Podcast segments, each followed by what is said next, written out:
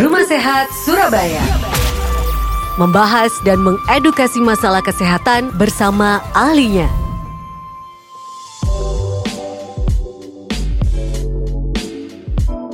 96 FM Merkuri, sahabat dan seperti biasa di hari Rabu pukul 11 hingga 12 kita sudah berada di talk show Rumah Sehat Surabaya ya yang menghadirkan para ahlinya sahabat untuk bisa memberikan kita edukasi dan informasi yang tepat dan juga benar tentunya. Dan seperti biasa ada Ellen Pratiwi. Halo, Assalamualaikum. Terima kasih. Alhamdulillah kita juga masih sehat hari Amin, ini. Semoga juga sahabat Merkuri semua juga sehat. Mm-hmm. Juga dokter-dokter semua yang selalu uh, menemani kita ya. ya. Betul. Dan alhamdulillah untuk siang hari ini sudah hadir narasumber kita adalah Dr. Dr. Budi Prastio SPG Konsultan. Assalamualaikum dokter. Waalaikumsalam warahmatullahi wabarakatuh. dokter sudah berkenan rawuh kembali. Ini untuk yang kedua kalinya ya. G, ini kan temanya uh, kembali ya kita memang kalau dari COVID ini dari habisnya. bulan puasa ini sudah kedengaran nih new normal, new normal, normal baru. Cuman dari banyak sisi, kalau ya. mungkin dari uh, pemerintah menyikapinya, kemudian dari oh, bidang pendidikan, mm -hmm. kemudian dari bidang transportasi, transportasi itu semua bikin protap-protap gitu kan dok ya. Hmm, Monggo ya. kalau pagi hari ini kita akan membahas tentang uh, new normal dari sisi kesehatan. Sebenarnya dok, kita ini kan selalu ditanyain antara siap nggak siap ya dok ya. dibilang siap ya nggak siap, dibilang nggak siap itu ya harus siap gitu ya. Gimana kalau menurut teman-teman dari uh, ID atau juga dari tim medis itu menghadapi new normal ini dok? Awalnya dari yang bersangkutan terlebih dahulu. Silakan ya. dokter. Baik, terima kasih. Assalamualaikum warahmatullahi wabarakatuh. Waalaikumsalam. Tapi kalau kalau kita lihat sebenarnya apakah siap apa tidak siap, sebenarnya kita juga harus uh, mempersiapkan diri. Apa pun karena itu ada uh, istilahnya uh, masa transisi ya. Jadi mestinya kita bisa melihat apakah nanti kasusnya jadi akan jadi tambah meningkat atau banyak dan sebagainya. Karena itu yang penting adalah kita harus tetap menetapkan suatu protokol kesehatan yang sudah diterapkan selama ini. Jadi tetap memakai masker bila uh, kita berpergian, kemudian uh, jaga jarak atau physical distancing dan yang uh, sering cuci tangan, sediakan uh, alat keperluan pribadi uh, sendiri. Jadi misalnya tetap alat untuk uh, sholat, kemudian alat makan minum, kemudian hmm. hand sanitizer. Hmm. Saya kira tetap harus ada di hmm. di mana pun kita hmm. berada. Kemudian hmm. uh, apakah siapa pada siap? Ya kalau pemerintah sudah menyatakan siap ya mestinya kita juga harus mempersiapkan diri hmm. untuk menyambutnya ini. Walaupun dengan uh, keterbatasan, saya kira tadi tetap kita harus mempersiapkan diri. Kalau dari tim medis sebenarnya udah persiapannya, maksudnya protap-protap itu sebenarnya sudah berjalan lama ya dok ya. Mungkin ada peningkatan mungkin selama new normal ini atau uh, seperti. Sebenarnya kalau hmm. kita lihat dari beberapa data memang uh, kasus masih cukup banyak. Kita sudah punya rumah sakit darurat, hmm. sudah ada dibuka rumah sakit darurat, sudah ada relawan yang bekerja di situ. Hmm. Ada di Surabaya juga ada hotel asrama haji. Jadi saya kira dan apa namanya uh, semua prosedur sudah dijalankan saya kira. Sarana prasarananya sudah lebih. Um, ya, um, hanya memang kalau kita belum mengetahui apakah nanti ada peningkatan kasus atau tidak. Nah, Yang kita khawatirkan kalau ada iya. ledakan kasusnya seperti itu. Iya, tetap deg-degan juga ya dok ya. Karena kan, iya, kalau tenaga kesehatan sementara ini pasti kita kalau sekarang memang ada banyak sekali penyesuaian. Jadi kalau oh. misalnya mau menangani pelayanan pasien aja kita sudah melakukan uh, menggunakan uh, eh, APD level 2 atau level 3 di mana memang ini sebenarnya tidak nyaman karena hmm. pertama adalah panas yang kedua adalah sesak pasti jadi oleh karena itu eh, ada beberapa tetap sarankan memang sampai saat ini bila tidak emergensi memang tetap uh, ditunda untuk ke rumah sakit sampai saat ini kalau di bagian kami di obstetri ya seperti itu. Hmm, iya iya. Jadi memang dari tenaga medisnya lebih dibekali uh, persiapan yang anu ya dok ya? Ya APD kita APD sudah, sudah uh, dari ID kita sudah menyalurkan donasi terima kasih kepada masyarakat. Hmm. Jadi banyak sekali kita do, uh, salurkan. Menerima, ya. uh, jadi alhamdulillah sampai saat ini kita bisa masih menerima ya dok ya sampai masih, hari ini. Ya, oh monggo silakan ya. Jadi untuk sahabat Merkuri barangkali ya. ingin berkenan menyumbang ya. Jadi kita sudah menyalurkan ke seluruh ke hampir seluruh rumah sakit di Surabaya, mm -hmm. kemudian di klinik, mm -hmm.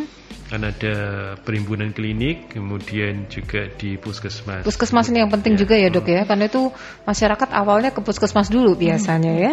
Iya. Iya iya iya iya. Ya. Baik, gitulah ceritanya ya. Jadi kita melihat kalau dari sisi medis sudah mempersiapkan iya. sedemikian rupa, ya. tapi alangkah lebih baiknya pasiennya jangan nambah ya dok ya. Iya. Karena masyarakat berpikir new normal, oh boleh nih beraktivitas udah normal, gitu. Udah rame banget dok. Iya. Mall-mall, kafe, yeah. jalan. Padahal normal baru itu bukan kembali ke normal yang dulu ya dok. Tapi ada beberapa kita hal ya. Uh, kalau kita lihat uh, setiap hari dari apa namanya uh, Dr. Yuri sudah mengumumkan berapa pertambahan kasus, berarti pasti ada kasus. Yeah. Hmm. Nah, karena kalau bisa kita ya sama-sama berupaya tetap menurunkan hmm. intinya seperti itu. Karena itu, alhamdulillah kita sekarang sudah ada kayak kampung tangguh, jadi semuanya yeah. berupaya dari segala lini kalau menurut yeah, saya. Ya. Tapi yang kedua adalah bagaimana kita berperan serta itu yang yang penting. Jadi kalau ada yang anggotanya yang mungkin sedang isolasi mandiri atau sakit, sebaiknya ya jangan di apa namanya dicenguk ya stigma negatif oh gitu di stigma ya. juga Mungkin oh. ya iya iya itu itu terjadi ya. sehingga orang ya. akhirnya nggak berani cerita dok kalau cerita dia dan nggak mau tes ya. iya betul betul ya. Ya memang itu resiko kalau isolasi mandiri akan menyendiri lah artinya hmm. menghindari pertemuan dengan orang-orang tetapi ya kita mesti menghargai itu sebagai upaya untuk penyembuhan kan dok ya jadi yeah. uh, jangan sampai ada stigma atau juga apa namanya uh, dijat seolah-olah pembawa virus iya. gitu kan jadi kasihan dok padahal dia mungkin bisa juga terpapar dari, dari sekitar hmm. ya. ya jadi kalau beliaunya malah uh, sudah uh, berkenan isolasi mandiri kita harus menghargai itu justru yang terbaik ya itu... karena yang harus kita sadari dengan isolasi mandiri mungkin dengan pasien yang tanpa gejala mm -hmm. orang tanpa gejala isolasi mandiri merasa memang sehat tapi tidak boleh keluar itu mm -hmm ini harus kita pikirkan dari dampak masalah psikologis. Iya. Jadi iya. masalah stres dan iya, sebagainya. harus didukung. Padahal sudah sehat tapi merasa sehat tapi masih uh, mengandung virus dan sebagainya. Nah, ini yang masih ada kekhawatiran. Ya, jadi kadang-kadang stres itu yang harus kita uh, cermati. Uh, ya ini nih yang bikin mungkin jadi bisa menurun ya dok kalau kepikiran stres depresi itu ya, ya yang bisa menurunkan imun kepikiran. itu juga. Betul, jadi depresi juga salah satu uh, poin untuk menurunkan imun. Jadi hmm. ya memang kita selama ini satu bagaimana cara jangan sampai stres, kemudian hmm. olahraga yang rutin, ya seperti itu. Hmm. Jadi punya positif sehat, lah ya. ya konsumsi iya. vitamin juga, hmm. vitamin nah itu. Vitamin C. Jadi artinya pola hidup sehatnya juga harus dilaksanakan terus ya dok ya. ya. Pola konsumsi makanan juga harus dipilih betul. Hmm. Saya juga termasuk ini dok. Uh, tadi ngomong tanggung kampung tangguh, saya juga termasuk salah satu satgas. Saya tahu persis gimana uh, eh, RT RW itu bekerja untuk mendata uh, dari masyarakat dan itu bagus sekali. Saya pikir dari komunitas terkecil ya dok ya, sehingga bisa terpantau dari yang tadinya ada uh, apa namanya ada isolasi mandiri banyak di kampung kami itu bisa berkurang jauh. Karena memang ada asupan makanan yang diberikan oleh warga hmm. sekitar. Sehingga hmm. dia nggak perlu keluar rumah. Artinya kita mendukung memberikan dukungan itu dengan nah, itu yang penting. Ya, ya. jadi harapan. mau uh, membuka status itu luar biasa. Iya iya betul. Dan sehingga memang, tracing juga berjalan. Iya iya. oh iya kita ada uh, buka line telepon juga ya. dokter dengan ya. pendengar. Ada sudah ada yang masuk mungkin? Selamat pagi Mercury pagi. Halo? Iya Halo. Halo, selamat pagi. Udah dengerin suaranya? Sampun, ya. Yeah. Halo. Oh, soalnya di kuping saya nggak denger.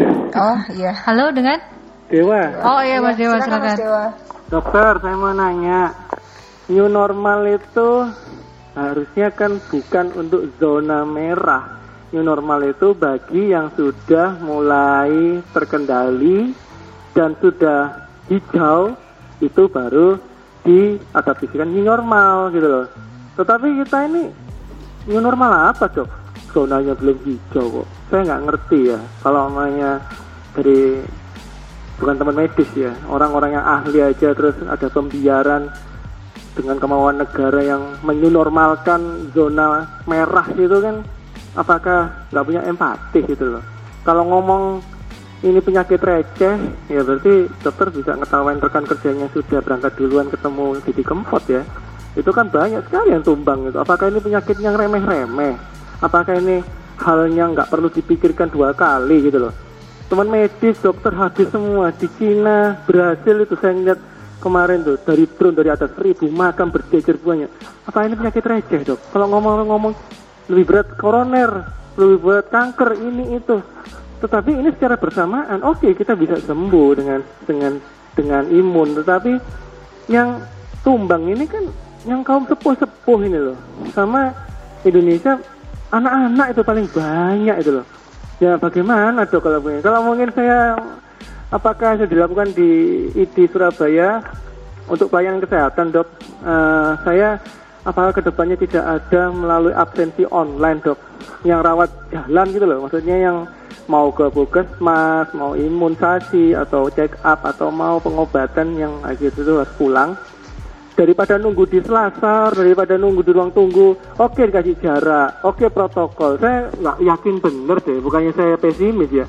Kenapa nggak melalui online? Oke, okay, Ibu Rudi nanti ada SMS atau WA masuk jam 11 monggo datang on time ya Ibu mungkin 5 menit sebelumnya sudah tunggu di ruang registrasinya suster itu lebih bagus dok itu mungkin Surabaya diadakan pertama kali walaupun Bapak Presiden Joko Widodo belum menentukan bagaimana protokol Oh datang aja nggak apa-apa jaga jarak. Jangan tapi kalau bisa online. Siapa sih orang nggak punya SMS pasti punya SMS lah. Kalau WA Android itu terlalu berat. SMS jadi saya mau ke rujukan rumah sakit ini. Terus mau periksa ini. SMS call centernya ke mana gitu. Lalu ada jawaban. Oh hari ini full bu. Mungkin bisa besok jam 8 pagi.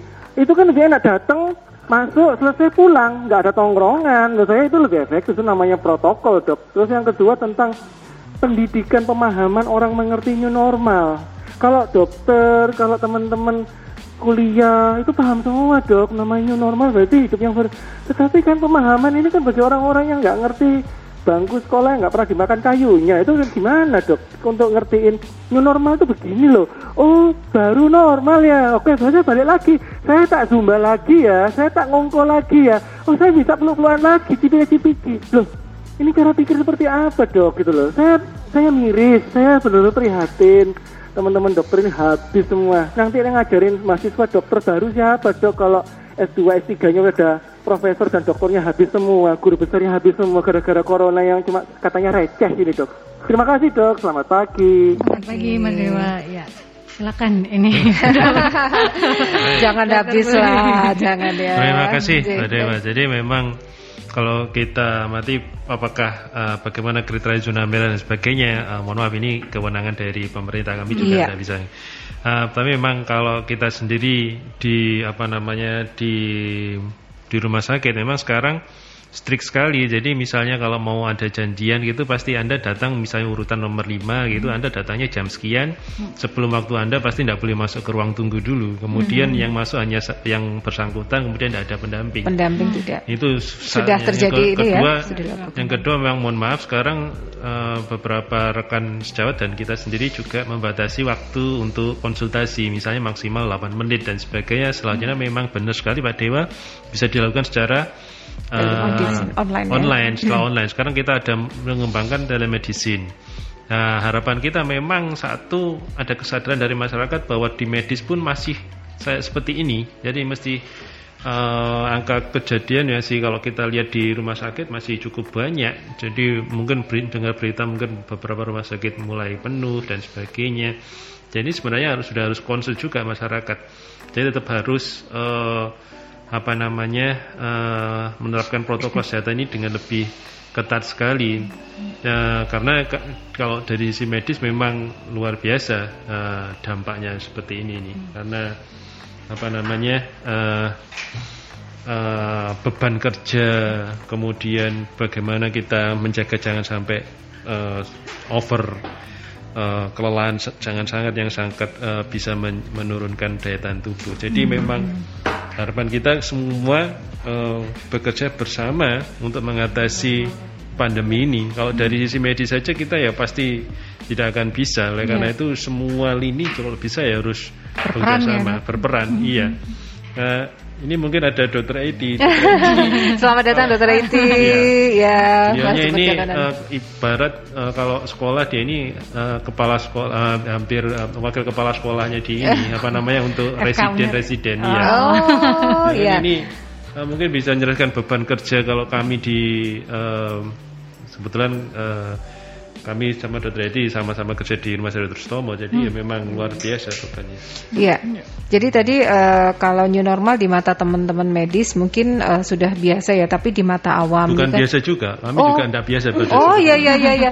Maksudnya tapi informasinya banyak artinya lengkap ya. Kalau di teman Memang yang... kita ini memang sekarang ada kesadaran uh, alhamdulillah sudah ada kesadaran untuk menggunakan APD. Iya iya iya. Di mana alurnya sudah lebih jelas, di iya. mana kita harus memakai APD di mana kita harus melepas uh, uh, alat pelindung diri, kemudian uh, jadi kita lebih tertib bisa, ya dok ya sekarang. Ya, tidak ya. bisa hmm. nyaman lagi. Dulu mungkin kalau uh, kita bekerja di uh, di poli, di gawat darurat kita masih bisa santai sambil mohon maaf minum segelas sebotol uh, air uh, kemasan minum gitu. Minum apa gitu masih uh, nyaman ya dok. Sekarang uh, udah. Sekarang di mana bisa mau makan minum kita. Kostumnya sudah bisa, ini. Kostumnya sudah seperti itu. Iya iya iya. Jadi tiap tiga jam baru mungkin berganti ya. Berganti. Hmm. Jadi uh, apa namanya membiasakan diri juga ya memang kita masih apa pun tetap harus membiasakan diri. Hmm, Cuma yang kita memang mohon dengan sangat memang karena itu protokol kesehatan tetap harus di, dilaksanakan dengan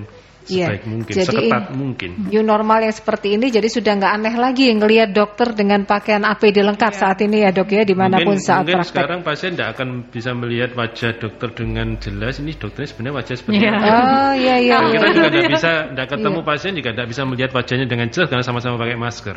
Iya iya. Sudah pakai masker dan dia ada sekarang ada shield semuanya. Oh pakai shield ya. Semua sedikit-sedikit pakai shield. Sedikit. Hmm. Jadi sekarang kalau kami di kamar bersalin sekarang kalau orang melahirkan mohon maaf ada chambernya hmm. dimasukkan di chamber gitu hmm. jadi mohon maaf melahirkan normal bisa tapi masuk chamber hmm. jadi walaupun berteriak di, di masih dikelilingi chamber sehingga tidak ada aerosol yang uh, sangat berlebihan jadi itu pun jadi, juga dipersiapkan jadi, ya dok ya uh, effortnya itu sekarang jadi bertambah, ya bertambah ya, iya, iya. belum lagi harus memakai semuanya harus memakai APD level 3. Jadi hmm, termasuk tim perawatnya juga. Iya, kalau semuanya, ini, semua yang masuk kamar bersalin. Hmm. Kalau dulu SOP-nya 10, sekarang bisa 50 ya, Dok.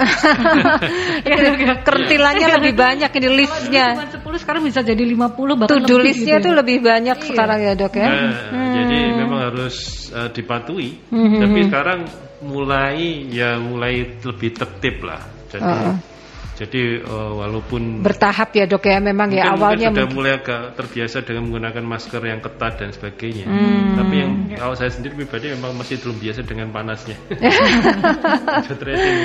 nah, iya, oke okay, dokter Iti selamat datang. Terima kasih sudah meluangkan waktu. Terima kasih. Iya kita tadi ngobrol-ngobrol soal new normal dari hmm. uh, siap tidak siap. Kemudian jadi ada juga penanya ini ya bagaimana new normal di mata awam seolah-olah udah normal kembali, udah senam-senam lagi, udah kumpul-kumpul lagi, sepedaan tuh sepeda nih dok, udah banyak banget nih di jalan. Ya? Iya gitu, di jalan-jalan sekarang banyak anak-anak remaja.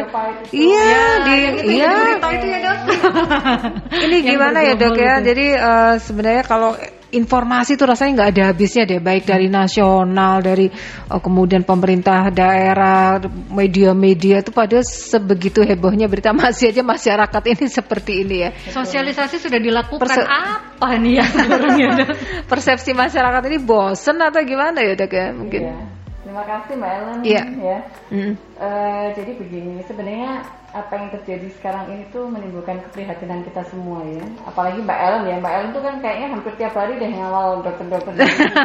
Enggak, enggak tiap hari. Cuap-cuap ini tuh masih gaswat gitu. Iya, kan. iya, betul, betul. Jadi uh, kami yang di lapangan ya, kami dokter-dokter yang di lapangan, baik saya sebagai seorang dokter objin maupun teman-teman non objin ya, baik dokter penyakit dalam, dokter paru, apalagi yang bertugas di rumah sakit tersier di mana mendapatkan bahwa rumah sakit eh, layanan kesehatan fase 1, layanan kesehatan yang dua itu sudah penuh menolak pasien pada akhirnya kan harus ke rumah sakit yang tersier ya seperti rumah sakit umum Dr. Sutomo misalnya. Itu terus terang kewalahan sekali. Cuman masalahnya kan memang kalau dari sisi etika itu kami tidak diperkenankan lah. Memposting, memfoto, memvideo kondisi di dalam yang menggambarkan ruwetnya. Hmm pasien-pasien COVID itu di dalam yang menggambarkan bahwa pasien-pasien COVID itu akan sampai pada keadaan yang gawat. Nah, dilemanya di situ. sementara secara etika kami tidak mungkin menunjukkan keruwetan itu di dalam. Jadi seolah-olah masyarakat luar itu nggak tahu nggak baik-baik aja mana sih dok buktinya yeah. nggak pernah ada postingan begitu mm-hmm. ya nggak akan pernah karena kami terbentur dengan etika mm-hmm. begitu mm-hmm. tapi monggo sekali-sekali kalau punya keberanian ya mm-hmm. yuk main yuk ke rumah sakit dokter Sutomo yuk dengan ini ya dengan Betul, protap yang pakai APD ya, lengkap ya level ya. 3 jangan lupa seperti yang disampaikan dokter Budi tadi mm-hmm. pakai hazmat ya mm-hmm. hazmatnya kalau yang bagus sih alhamdulillah ya masih lumayan sejuk tapi saya kemarin sempat pakai hazmat. Begitu pakai masih lima menit pertama itu sudah rasanya kayak mau pingsan. Udah sauna ya dok ya? Betul hazmat pakai masker pakai sepatu boot kemudian pakai face shield ya ayo main yuk kita ke rumah sakit Dr. Sutomo dan Mungkin itu harus dipakai berkunjung ke kamar bersalin ya Mbak Ellen oh iya iya iya iya kita punya limpahan pasien-pasien hamil dengan COVID yang mm -hmm.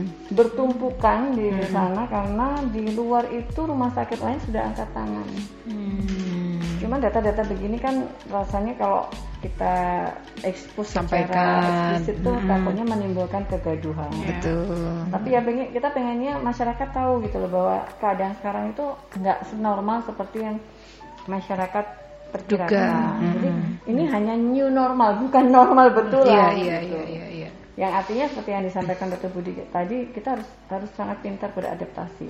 Hmm Ya mungkin sudah capek ya sekarang kan sudah mungkin hampir tiga bulan kan hmm, ya. Hmm, jalan-jalan Seperti terpenjara gitu dong. Orang kami aja ya mungkin dokter Budi juga merasakan kerjaan kita paling sehari cuma dari rumah ke rumah sakit ya dokter Budi ya. Rumah rumah sakit kalau saya bonus ke fakultas kedokteran gitu. Rumah rumah sakit fakultas kedokteran belanja pun ya cepet-cepetan udah habis iya, itu cepetan uh, bisanya lah di, list dulu ya dok? Uh, langsung. Ini, ini, ini, habis perlu langsung pulang deh gitu ya. Mm. jadi uh, itu new normal ala kita ya mm. seperti yang disampaikan dokter mm. tadi juga bahwa jangan lupa pakai masker ya. Pakai face shield ya itu memang kenyataannya seperti itu. Mm. karena apa? Karena potensi penularan itu masih ada.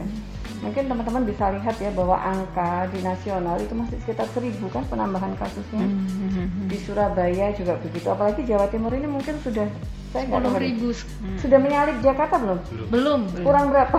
Beda seratus lah dok kurang iya, lebih. perbedaannya gitu. karena penambahan kemarin tuh dua ratusan di Jakarta seratus enam puluhan penambahannya. Nah dua ratusan di Jawa Timur dua ratus lima puluh kalau tidak salah dok.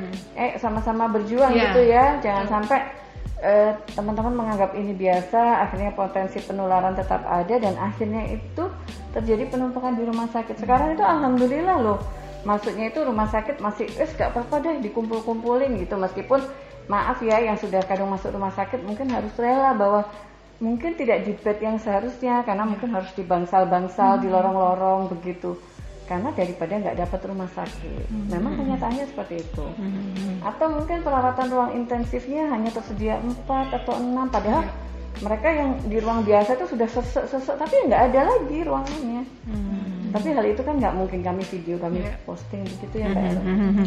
Mudah-mudahan dengan cerita ini aja sahabat yeah. Merkuri sudah bisa membayangkan ya bagaimana situasi di sana. Jadi tolong uh, jagalah diri masing-masing ya. Jadi ini sepeda-sepedaan mungkin uh, tidak terlalu rame mungkin yang uh, uh, sendiri dulu deh sepedanya ya daripada gerombol. Mungkin sudah nggak tahan olahraga gitu ya, pengen ketemu-ketemu gitu dengan baru itu kebiasaan yang baru dengan hal-hal yang kita membiasakan uh, hal yang dulu kita lakukan tapi dengan catatan-catatan ya dok sebenarnya Betul. itu yang harus membiasakan yang tidak biasa katanya. Ya. Mungkin ada iklan yang mau disampaikan? Ya, ya. Uh, ini akan perbincangan kita masih akan terus mm-hmm. berlanjut ya. Sahabat dan anda juga masih bisa bergabung melalui line WhatsApp di 08173096 atau di line telepon di 5620096 karena perbincangan kita masih akan seru ya dengan uh, dua narasumber di tema new normal dari sisi kesehatan. Sahabat, tetap stay tune di Rumah Sehat Surabaya. Rumah Sehat Surabaya akan kembali setelah yang satu ini.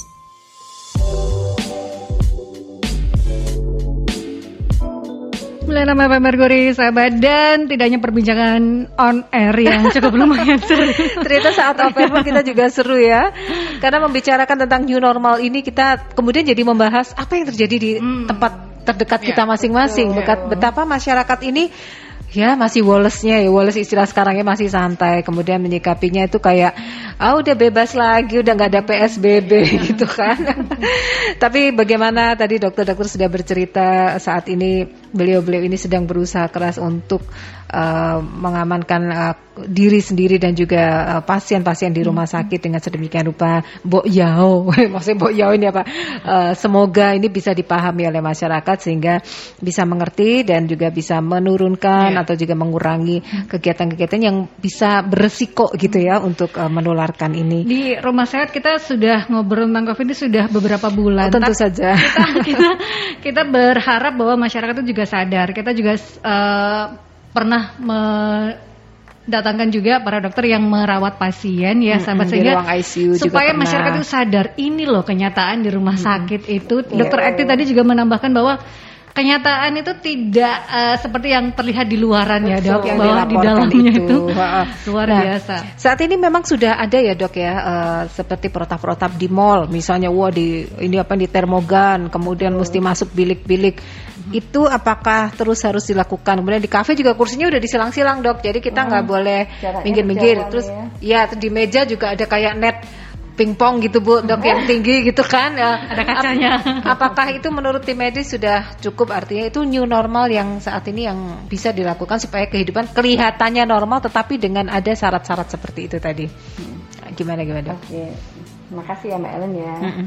Jadi sebenarnya ya kalau kita mau berkaca pada cara yang efektif untuk menghindari penularan virus ya virus COVID ya terutama mm -hmm. virus corona ya kan kita sudah jelas bahwa itu adalah uh, ya masih ini ya masih uh, kontroversi airborne lewat udara atau hanya droplet. Droplet itu artinya yang kalau sudah kena air terus baru bisa menempel di kita -hmm. ya tapi pada prinsipnya pencegahannya yang paling utama itu seperti yang di, disampaikan selama ini ya hmm. satu di rumah saja lah intinya hmm. di rumah saja adalah lebih aman ya apa, lebih aman hmm. hanya ketemu dengan keluarga kita yang kita yakin bahwa keluarga kita tuh memang sama kita terus dan pasti negatif karena hmm. mereka sama-sama nggak ke mana-mana hmm. ya. hmm. Terus kemudian yang kedua pakai masker ya. Mm-hmm. Kalaupun terpaksa keluar pakai masker. Mm-hmm. Kalaupun terpaksa ketemu orang jaga jarak ya. Mm-hmm. Itu pencegahan yang utama itu seperti itu. Mm-hmm. Karena kenapa masker ya? Karena masker itu ternyata memang mengurangi mengurangi risiko penularan, risiko transmisi virus. Jadi virusnya itu kan konon uh, saling menularnya ketika kita ngomong, mm-hmm. ketika kita teriak itu maaf ya muncrat gitu yeah. loh Mbak iya. Ellen ya. Mm-hmm. Jadi misalnya anggap saja kalau sama-sama nggak pakai masker mungkin ya nularnya sampai 100%, 90%. Mm-hmm. Tapi ketika kita pakai masker, misalnya masker yang sangat ideal ya kayak misalnya masker bedah sama-sama pakai menderita dan tidak mungkin bisa turun sampai 2%. Mm-hmm. Jadi itu dan mm-hmm. uh, kalau memang itu semua nggak bisa dilakukan ya tetap harus optimal melakukan upaya pencegahannya. Mm. Eh saya mau ketemu teman saya ini urgent sekali. Mm. Atau saya misalnya saya kan dokter ya mbak mm, ya. Harus saya ketemu. Budi kan dokter. Mm. Kami kan nggak mungkin stay at home ya. Iya harus tetap kerja ketemu pasien. no. Kadang tuh ngiri ya dulu. Aduh enak ya ada kerjaan yang bisa apa, dikerjakan dari rumah gitu, gitu work from home. oh, teman-teman wartawan oh, ya, bisa ngerjain dari rumah. sekarang ternyata mereka bisa loh mengerjakan Online. dari rumah itu iya, ya iya, iya. interview by phone betul, mungkin langsung ditulis karena itu redakturnya pun mm -mm. malah dipeseni oleh pimpinan redaksinya. Jangan pergi ke liputan yang kira-kira itu berisiko crowded lah. Mm -hmm. Jadi instruksi dari uh, redaktur saya begini dokter, oke okay, kita mm -hmm. ketemu baik pun aja mm -hmm. ya. Yeah. Bahkan liputan via zoom aja sekarang mm -hmm. diperbolehkan yeah. ya. Iya yeah, iya. Yeah. Jadi kadang ngiri, aduh kerjaan saya nggak mungkin deh saya work from home ya, mm -hmm. maaf, mungkin kan orang mau lahiran kita pimpin dari rumah. Gitu ya pegang sendiri bu kepalanya. Jadi akhirnya mau nggak mau kami pun ya misalnya saya dari sisi dokter kami pun membuat sesuatu yang new normal ala kami. Hmm. tadi dokter Budi cerita jangan kaget kalau dokter sekarang kayak astronot gitu ya. Hmm. dulu awal-awal ketika saya pakai begitu pasien shock gitu. Dok begini ya sih saya jadi takut nih. Iya. udah udah ngobrolnya sebentar aja dok. Nanti resepnya aja nanti saya WA gitu. Mm -hmm. Kaget pertama-tama, tapi ya lama-lama kita itu jadi sesuatu yang wajib itu ya, ya dok ya. Mm -hmm. Nah itu kebiasaan new normal baru ya sebenarnya ya. Dulu, halo dokter kandungan pakai begitu lebay gitu. dulu, dulu, oh dulu berapa bulan lalu sekarang saya tuh suka ya foto sama kita gitu oh, karena kostumnya ini unik gitu ya dok ya Ini ada Iya, iya. pertanyaan yang sudah masuk Oke, silakan. WhatsApp dari Pak Budi. Dok, saya sih sebagai masyarakat siap-siap saja untuk new normal. Tapi kok saya masih juga merasa was-was. Karena kan kesadaran tiap orang tentang pandemi ini berbeda-beda. banget bedanya Dan juga pertanyaannya apakah kita dan pemerintah ini mampu menyiapkan segala sesuatunya untuk new normal? Wong pakai masker saja itu kadang masih susah kok. Kemudian Bu Rina, kriteria kita siap new normal itu apa saja sih dok? Kalau menurut kesehatan, karena kebanyakan masyarakat itu mendengar kata new normal saja, kok masih banyak yang bingung. Padahal kan ada syarat yang harus dipatuhi ya dok. Bu Ima, eh, Surabaya ini masih perlu PSBB lagi nggak sih dok untuk saat ini? Karena kok menurut saya new normal itu nanti dulu. Angka positif masih naik soalnya. Mhm. Kemudian dari Uh, juga ya. Pak Tony, saat PSBB di kota Surabaya, angka COVID-19 semakin bertambah. Saat new normal, bisa dipastikan angka COVID-nya juga semakin bertambah karena masih banyak masyarakat yang tidak disiplin. Sementara kalau tidak di new, di new normalkan, katanya ekonomi akan mati. Menurut dokter sebetulnya apa yang harus kita dahulukan, faktor ekonomi atau kesehatan? silakan dokter ahli obstetri sosial Ini kalau, kalau ditanya dari masalah kesehatan ya mungkin pertama ya faktor kesehatan. gitu. Iya, iya, iya. Tapi mungkin kalau dari pemerintahan pasti ada banyak pemikiran. ada lain, pertimbangan ya. lain ya dok ya kalau kalau dilihat sebenarnya eh, kalau kita lihat di WHO ya, jadi kalau new normal itu memang sudah terbukti bisa mengendalikan transmisi COVID-19 ya. Jadi transmisi sudah bisa terkendali ya.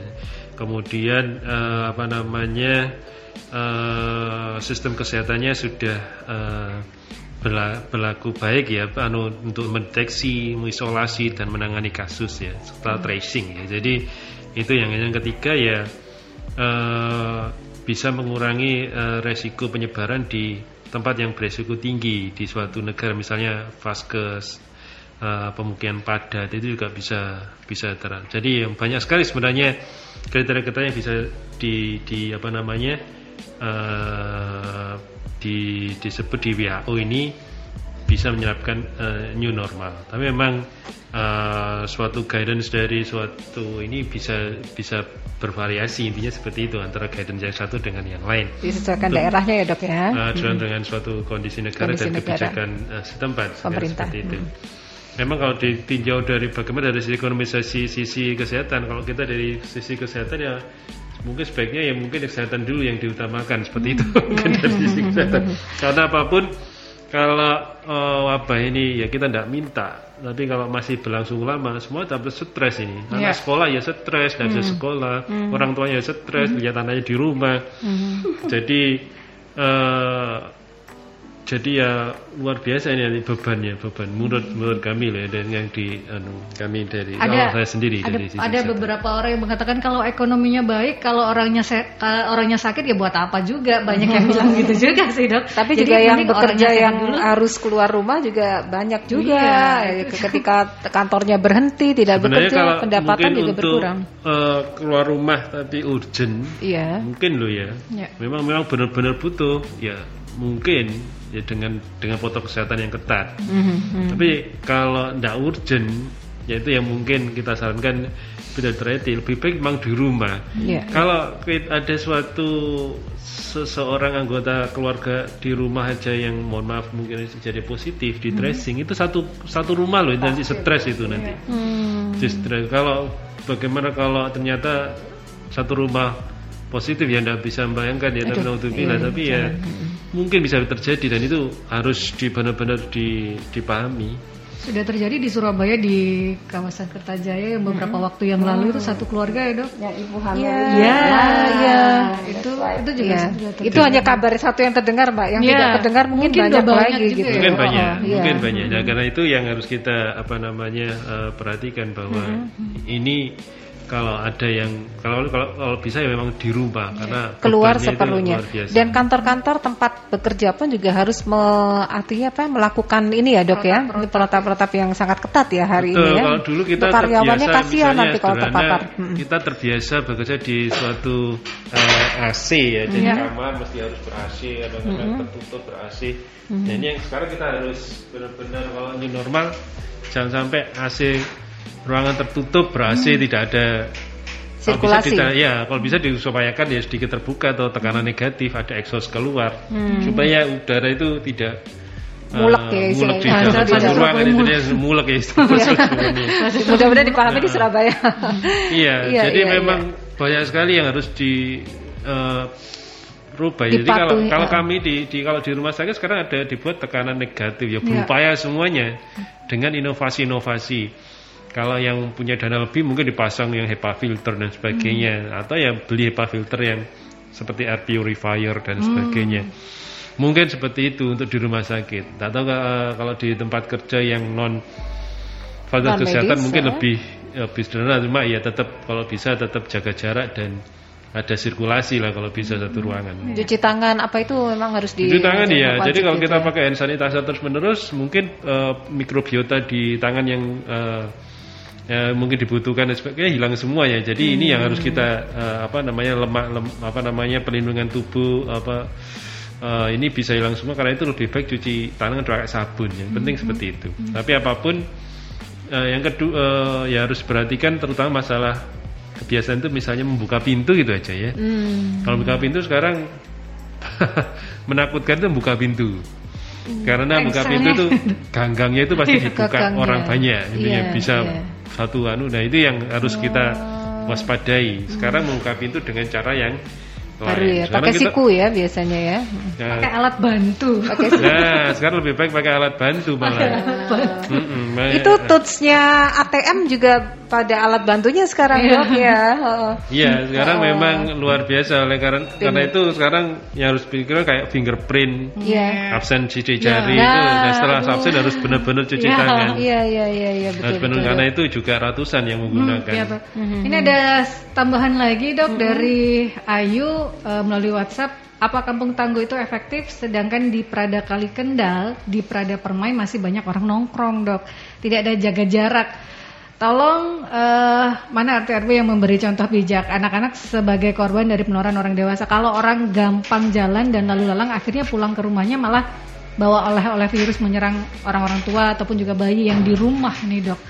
Ternyata ada beberapa masyarakat ini yang mengeluhkan juga belum efektif nih beberapa kawasan bahkan masih nah, yang bahaya kan dokter-dokter ini punya pasien ibu hamil juga ya dok yeah. ya itu sangat berisiko juga ya dok ya jadi gini sebenarnya yeah. kalau kita harus waspada yang benar tadi pertanyaannya mm -hmm. ada beberapa kelompok yang rentan mm -hmm. misalnya usia mohon maaf usianya lebih Usia. dari 60 tahun okay. mm -hmm. kemudian uh, mempunyai komorbid penyakit mm -hmm. hipertensi biasanya yeah. orang yang sudah sepuh kadang-kadang menderita hipertensi ada yang diabetes, ada mm. yang penyakit jantung, ginjal, mm. kemudian mm. obes yeah. Ya. uh, dan sebagainya. Ini yang memang harus, apalagi kalau di rumahnya ada seperti itu, ya lebih baik ya memang benar-benar lebih concern perhatian. Mm. Mungkin pada anggota keluarga yang tidak punya komorbid biasa-biasa saja, kalaupun mungkin terinfeksi, mungkin bisa jadi OTG atau pasien dalam pengawasan. Jadi gejalanya ringan. Karena penyakit ini kalau manifestasinya bermacam-macam penye,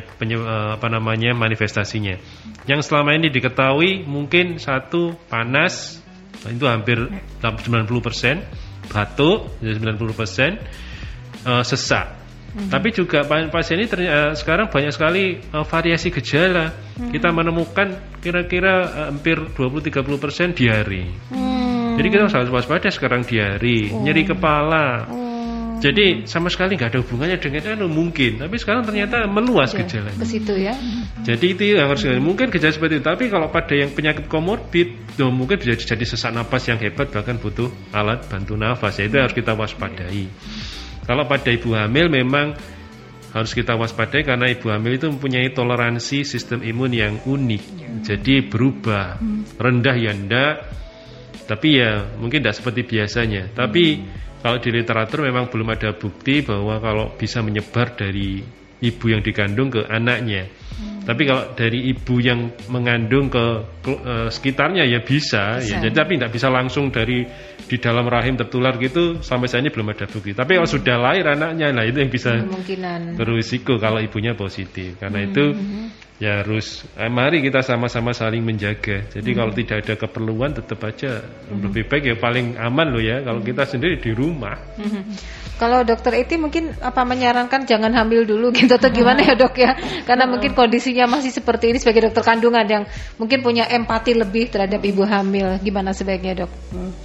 Jadi uh, pertanyaan tentang hamil sekarang apa enggak ya? Ya itu banyak ditanyakan baik hmm. oleh pasien ya? masyarakat ya? awam hmm. maupun ada juga beberapa rekan media yang mempertanyakan dan hmm. akan menjadikan itu sebagai bahasan. Tema. Hmm. Kalau saya dalam arti memprogram secara khusus rasanya kok ditunda dulu. Hmm. Tapi kalau dalam arti memang sudah hamil ya sudah ayo diteruskan. Hamil saja dilanjutkan dengan cara ya menjaga sebaik-baiknya diberi vitamin yang baik, diberi uh, gizi yang baik ya. Dan ibunya pun juga tidak boleh mengabaikan kesehatannya secara umum. Stay at home aja ya Betul. gitu. Hmm. Jadi memang penelitiannya potensi seorang ibu hamil itu untuk tertular COVID itu sama dengan orang yang lain. Hmm. Ya. Kemudian apakah kehamilan ini bisa eh COVID ini apakah bisa mempengaruhi kehamilannya? Untuk resiko penularan langsung ke bayinya seperti yang disampaikan dokter Budi tadi tidak ada penelitian yang mendukung, hmm. ya. Tapi nanti pada saat proses persalinan risiko tertular itu ada karena ternyata ketemu. Hmm. Ada ya. kasus misalnya dari mana? ya dari saat biasanya bukan saat persalinannya tapi ketika setelah ya hmm. jadi karena seperti maaf ya feses feses itu buang air besar si bayi pun itu ternyata mengandung ada hmm. virusnya jadi kalau lain normal dan kan kadang maaf ya kotorannya ibunya kan ikut. Hmm. nah, kita nggak tahu kan tangannya si bayi mungkin nyenggol nyenggol tahu-tahu kan kadang kemudian muka bayinya. Ya. Jadi risiko terhadap kehamilannya, risiko saat persalinannya, risiko untuk menular ke bayinya itu ya lumayan. Literatur juga menyebutkan bahwa penularan yang akan memberikan dampak terberat bagi ibu itu adalah ketika penularannya itu terjadi semester trimester 3. Jadi setelah 28 minggu. Kenapa? Karena mungkin pada saat itu ibu pun untuk bernafas sendiri ya. pun tanpa ada gangguan mungkin sudah berat ya apalagi ketika ada gangguan respirasi yang disebabkan oleh COVID-19 ini. Makin berat ya. kondisinya ya. Jadi kalau kita lihat hmm. beberapa laporan kematian itu memang kejadiannya itu banyak disebabkan yang terjadinya itu sudah 3-4 minggu hmm, mungkin yang di yeah. Jaya itu ya yeah, mbak ya maaf dan itu itu ternyata saya browsing browsing saya googling saya cari datanya memang kebanyakan tuh meninggalnya adalah kalau usia hamilnya sudah di atas 28 minggu. Hmm. Ya. Mendekati persalinan ya dok? Betul, hmm. karena itu di Inggris itu menyebutkan kalau sudah hamil trimester 3 28 minggu, ibu itu disarankan tidak boleh ke mana-mana. Iya. Hmm. Kenapa ya? Tadi mengurangi risiko dia tertular dari orang lain. Hmm. Jadi Itu mungkin bisa ambil cuti lebih awal ya. atau juga. Kedua ya, ya pasangannya juga harus mengerti bahwa dia mempunyai istri yang sedang hamil. Jadi ya oh. ya jangan sembarangan. Oh, enggak apa-apa istrinya keluar keluar nah, suaminya keluyuran Jadi kalau gitu tetap, ya. Manu ya tetap bisa resiko tertularnya juga bisa ya dok ya? iya, ya meskipun istrinya di rumah suaminya dari luar gitu ya dok ya ya hmm. jadi tetap kalau urgent lah monggo dengan protokol kesehatan hmm. tapi kalau enggak lebih baik ya stay at home baik jadi ini himbauannya bukan hanya bagi si ibu yang hamil tetapi juga keluarga di sekelilingnya ya dok ya, ya? ini ya. Uh, pertanyaan hmm. terakhir okay, dari silakan. Mas Firman melalui hmm. WhatsApp menurut Mas Firman tempat-tempat umum seperti kantor mall dan juga sebagainya seharusnya itu ada petugas khusus untuk membukakan pintu untuk para pengunjung misalnya untuk memutus mata rantai penyebaran COVID supaya uh, gagang pintu itu tidak terpegang-pegang gitu ya. Yang seperti ini bagaimana menurut dokter? Apakah cukup efektif dok? Jadi ada petugas yang membukakan pintu atau apa di mall misalnya? Supaya yang kalau, uh, kalau dipegang bersama. Saya malah lebih baik dibuka saja. Oh, usah ditutup. Oh. Karena yang kedua seperti anu tadi daripada sirkulasi mulak di dalam hmm. kalau pintu terbuka kan ada udara keluar hmm. jadi tekanannya negatif karena itu jadi dari dalam ruangan bisa keluar hmm. tapi memang kalau butuh buka tutup sekarang banyak modifikasi di lift gitu dok ada petugas yang mencetin gitu akan lebih efektif mungkin ya tapi ya bagi bahaya bagi yang petugasnya tersebut. Oh, iya. kasihan juga. Petugas, iya, ya. kalau beliaunya di dalam lift terus ya kasihan juga. Yeah. Ketemu banyak orang dalam ruangan tertutup. Iya, kasihan ya, juga. Kasihan ya, juga. Ya? Jadi memang belum itu noter apa gitu. dia di luar dok. Nah, jadi sekarang banyak sekali, kan tapi sekarang banyak sekali kok luar biasa inovasi masyarakat. Sekarang yeah. banyak sekali ya kayak tembak apa namanya alat alat, alat untuk menulis dari besi gitu ya. Dari besi untuk buka yeah. pintu, hmm. untuk mijet ATM, yeah, mijet yeah. ini. Ya yeah, itu luar biasa menurut saya yeah, itu inovasi-inovasi yeah, yeah. yang bermanfaat. Penemuan-penemuan yang membantu ya dok yeah, ya. Jadi, Bahkan pernikahan sekarang ini drive thru. ya, apa pun itu pakai itu. Apakah ini uh, kebiasaan yang sebetulnya memang tidak normal, tapi hmm, dianggap ya. normal saat ini. Betul. Karena kan jadi terbiasa. Ya itu yang namanya ini. normal baru ya. ya. Nah, dulu Gimana? orang pakai masker ngapain pakai masker? Ya. Sekarang kalau nggak pakai masker kita yang takut pakai masker kan gitu. Nah, betul betul. Kalau pakai masker jadi Baik. bingung semua. Ini mudah-mudahan apa yang disampaikan nah, uh, menjadi ini tadi peringatan belum, ya. Belum terjawab oh, nih. Masih ada lagi? Apa ya? Betrakta kemudian. Hmm?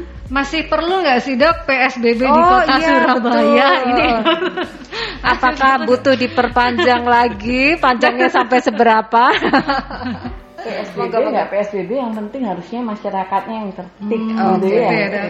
Tapi hmm. kalau PSBB tapi yang terjadi seperti kemarin ya masih banyak orang lalu lalang dengan kendaraan. Hmm cangkruk cangkruk nggak pakai masker hmm. nongkrong di warung ya hmm. berdesakan di warkop hmm. masya allah ya itu loh terjadi pada saat psbb yeah. kan hmm. percuma ada psbb hmm. sementara kesadaran individunya itu tidak ada dan mungkin dari sisi pemerintahan yang membantu menjaga ketertiban itu sudah kelelahan hmm. karena saya dapat cerita juga ya dari seorang teman yang kebetulan dia aparat hmm. Hmm, aparat lah ya hmm Sehari itu loh dokter, saya itu sudah ngangkut 300 sampai 500 orang yang melanggar.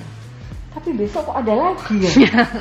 Nggak ada habisnya ya dok ya? area wilayah Nah iya, wilayah satu, nggak sampai satu kecamatan. Hmm, Masya itu loh motornya itu kita taruh di tempat kami, surat-suratnya kami taruh. Tapi besok Ternyata ada lagi, ada lagi yang lagi berikutnya. Tiap malam segitu. Hmm, nah, makanya menurut saya itu sebenarnya yang paling penting ya kesadaran pribadi ya. Mm -hmm. karena dengan penduduk Surabaya yang sekian banyaknya dan kebanyakan yang, yang bukan juga. asli Surabaya mm. ya itu rasanya kok kalau kita mengandalkan yang menjaga ketertiban itu adalah aparat rasanya nggak akan nggak akan cukup mm. tenaga beliau-beliau itu mm. pasti capek ya. Hmm, ada Sehari keterbatasan ya dok. 300 tiap hari hmm, dok. Ini orang dari mana saja?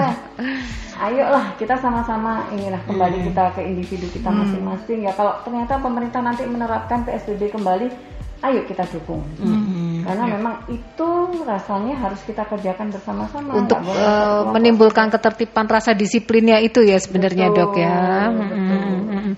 Jadi ini balik lagi masyarakat sebagai garda terdepan yang menjadi ya, ya masyarakat itu ya dok. Ya, Baru ya. garda terakhirnya itu adalah para medis itu ya dok tenaga ya, medis yang dokter itu. Terakhir mungkin sebelum uh, ya, kita, kita tutup akhiri. karena sudah tidak banyak. Satu lagi mbak ya. Silakan dokter. Gini, saya punya satu cerita. Hmm. Ada seorang, uh, saya kenal lah orang ini ya. Jadi mereka itu bersahabat bertiga ya bersahabat bertiga dan suatu ketika itu seminggu dua minggu yang lalu mereka keluar bersama makan-makan mungkin ada yang ulang tahun ya mm -hmm. dan di fotonya itu nggak pakai masker mm -hmm. ternyata suatu ketika itu yang satu sakit mm -hmm. covid dirawat kondisinya nggak terlalu baik mm -hmm. eh, dua hari yang lalu ada kabar yang dua ternyata ikut positif juga. Ya Allah. Nah, Padahal saat itu sehat kan? Mm -hmm. Nah kita menyangkanya ah apa-apa kan sehat semua. Mm -hmm. Jadi artinya ketika anda memutuskan bahwa anda tidak mengikuti protokol kesehatan, maka petaka penularan itu akan dimulai. Mm. Ya. Karena orang yang tadinya mungkin tampak sehat, mungkin dia sudah mengandung virus yang bisa berpotensi menularkan pada kita. Jadi jangan sekali-sekali lah lepas masker, mm -hmm. ya. apalagi berdekatan begitu. Itu mm. itu adalah cerita nyata yang memang harus saya sampaikan. Dan itu terlihat itu. sehat, foto-foto enjoy dan hanya bertiga ya. Uh, maksudnya tidak banyak orang juga ya. Itu pun tetap menjadi. Tapi kalau pulang kan jadi banyak. Oh iya, iya ketemu orang lain lagi ya dok ya. Masih nggak tahu belum di tracing keluarganya. Oh aduh, iya. Oh ada yang yang sudah yang sudah jadi tiga orang kan jadi banyak. Betul. Misalnya setiap orang pergi pulang ke rumah masing-masing. Ya sudah sakit. Ketemu lima orang sudah berapa? keluarganya. Hmm. Yang sudah sakit duluan tuh ada satu keluarganya yang akhirnya ikut rawat inap Aduh. dan kondisinya tidak baik. Tolonglah cerita ini, ini bisa jadi inspirasi. Ini tahu belum belum di tracing karena masih kejadian sehari dua hari yang lalu. Hmm. Ini kenyataan uh, sahabat Merkuri ya. Jadi sesederhana kita pengen kumpul sama teman akan tetapi panjang ceritanya ke belakang ternyata ada Ketemu ada hanya resiko. hanya beberapa jam Iya, ya sejam, tapi uh, dampaknya bisa ya Mm. kita nggak tahu. Iya. Kan Terburuk bareng lewat Zoom aja. Iya, Iya. betul. Menunya Video sama. call dan lain-lain sama aja. Pakai dress code. Iya. Iya, itu dulu dong. Kalau sekarang mungkin udah nggak gitu lagi ya. Dokter Budi Pras mungkin ada pesan-pesan khusus buat eh, pendengar. Kalau uh, saya tetap satu ya memang kita harus jaga uh, kesehatan masing-masing, berusaha meningkatkan uh, kekebalan dengan olahraga teratur, minum vitamin, jangan stres. Dua yang yang kedua ya patuhi protokol dan yang ketiga protokol kesehatan dan yang ketiga kalau tidak ada keperluan tetap stay at home. Masker yang bagus tumpuk tiga atau gimana sih dok? Perlu yang begitu atau gimana ya sekarang Terus terang ini? kalau kami mungkin Mbak Ellen lihat saya sama. Edi. Sudah pakai yang ini ya? Kami pakai ke mana-mana pakai mungkin N95. N95. Kalau kami di rumah sakit. Oke, Sehingga kalau kami Mm-mm. kami memang double masker. Sebenarnya masker bedah cukup. Hmm. Kemudian eh, kalau di rumah sakit memang standarnya N95 itu ya, seperti itu ya. Kemudian eh, bagaimana kalau masker kain ya memang three layer, three layer tiga lapis. Satu ada yang lapis yang anti air, kemudian filternya dan eh, yang pelembutnya yang di dalam. Jadi jadi memang tiga lapis. Kalaupun masker kain memang biasanya sekarang saya lihat eh, kreatif ya. Tengahnya masih ada lubangnya. Nah, itu bisa diisi Dimasukin. filter ya. Filternya eh, apa namanya kertas filter lah. Intinya seperti itu. Jadi menurut saya ya ya kreatif dan itu membantu kami, membantu kami di rumah sakit karena kalau semuanya pakai masker bedah kayak yang beberapa saat yang lalu Habis jadi ini. kelangkaan itu yang luar biasa itu untuk Iya, petugas medis jadi lebih beresiko. Iya iya. Kemudian juga eh, stay at home tetap ya dok ya sebisa Ya, mungkin. lebih baik di rumah aja kalau nggak ada keperluan. Lebih hemat, nggak pakai masker dan sebagainya, jaga ke- keselamatan satu keluarga Iya. juga di rumah. Mudah-mudahan nanti kita ketemu lagi kondisinya sudah menurun menurun dan lebih baik ya dok Ya berdoa moga Iya. pandemi ini cepat berakhir. Dan kita nggak bahas covid lagi di acara ini. Iya. kita topik yang lainnya aja. Baik, mudah-mudahan nih program kerjasama eh, Radio Merkuri dengan IDI Surabaya bisa berjalan lancar dan juga bermanfaat buat masyarakat ya dok. Dokter Edi terima kasih sudah lari-lari tadi ke sini lari-lari. Juga Dokter Budi Pras, Ya, semoga sehat kasih. selalu ya dok ya. Salam Amin, buat amin. eh, tim Sama-sama. dokter di IDI ya. Oke, terima kasih Andi. Dan Jangan. tentunya sahabat perjalanan kita di edisi hari ini sudah harus berakhir Tapi Anda bisa kembali mendengarkan Rumah Sehat Surabaya yang hadir setiap hari Rabu pukul 11 hingga 12 siang ya Yang menghadirkan para pakar untuk bisa memberikan kita edukasi dan informasi dengan benar dan tepat sahabat Tentunya yang juga eh, perlu Anda ketahui sahabat ada informasi Sekarang Anda tidak perlu ribet kalau pengen menikmati kualitas siaran dari Radio Mercury 96 FM Surabaya yang lebih jernih lagi Karena sekarang anda bisa mendengarkannya melalui aplikasi On Ears, O N E A R S. Tidak hanya itu, Anda juga bisa mendengarkan podcast, kemudian menikmati konten eksklusif dan streaming 9 radio terhits se-Jawa Timur yang tergabung di Mercury Media Group ya. Jadi download On Air sekarang juga karena sudah tersedia di Play Store maupun juga di App Store sahabat. Dan kita berempat yang ada di studio harus pamit, stay safe, stay healthy, be happy, dan kalau bisa stay at home, sahabat. Dan assalamualaikum warahmatullahi wabarakatuh. Waalaikumsalam warahmatullahi wabarakatuh. Terima kasih sudah mengikuti Rumah Sehat Surabaya.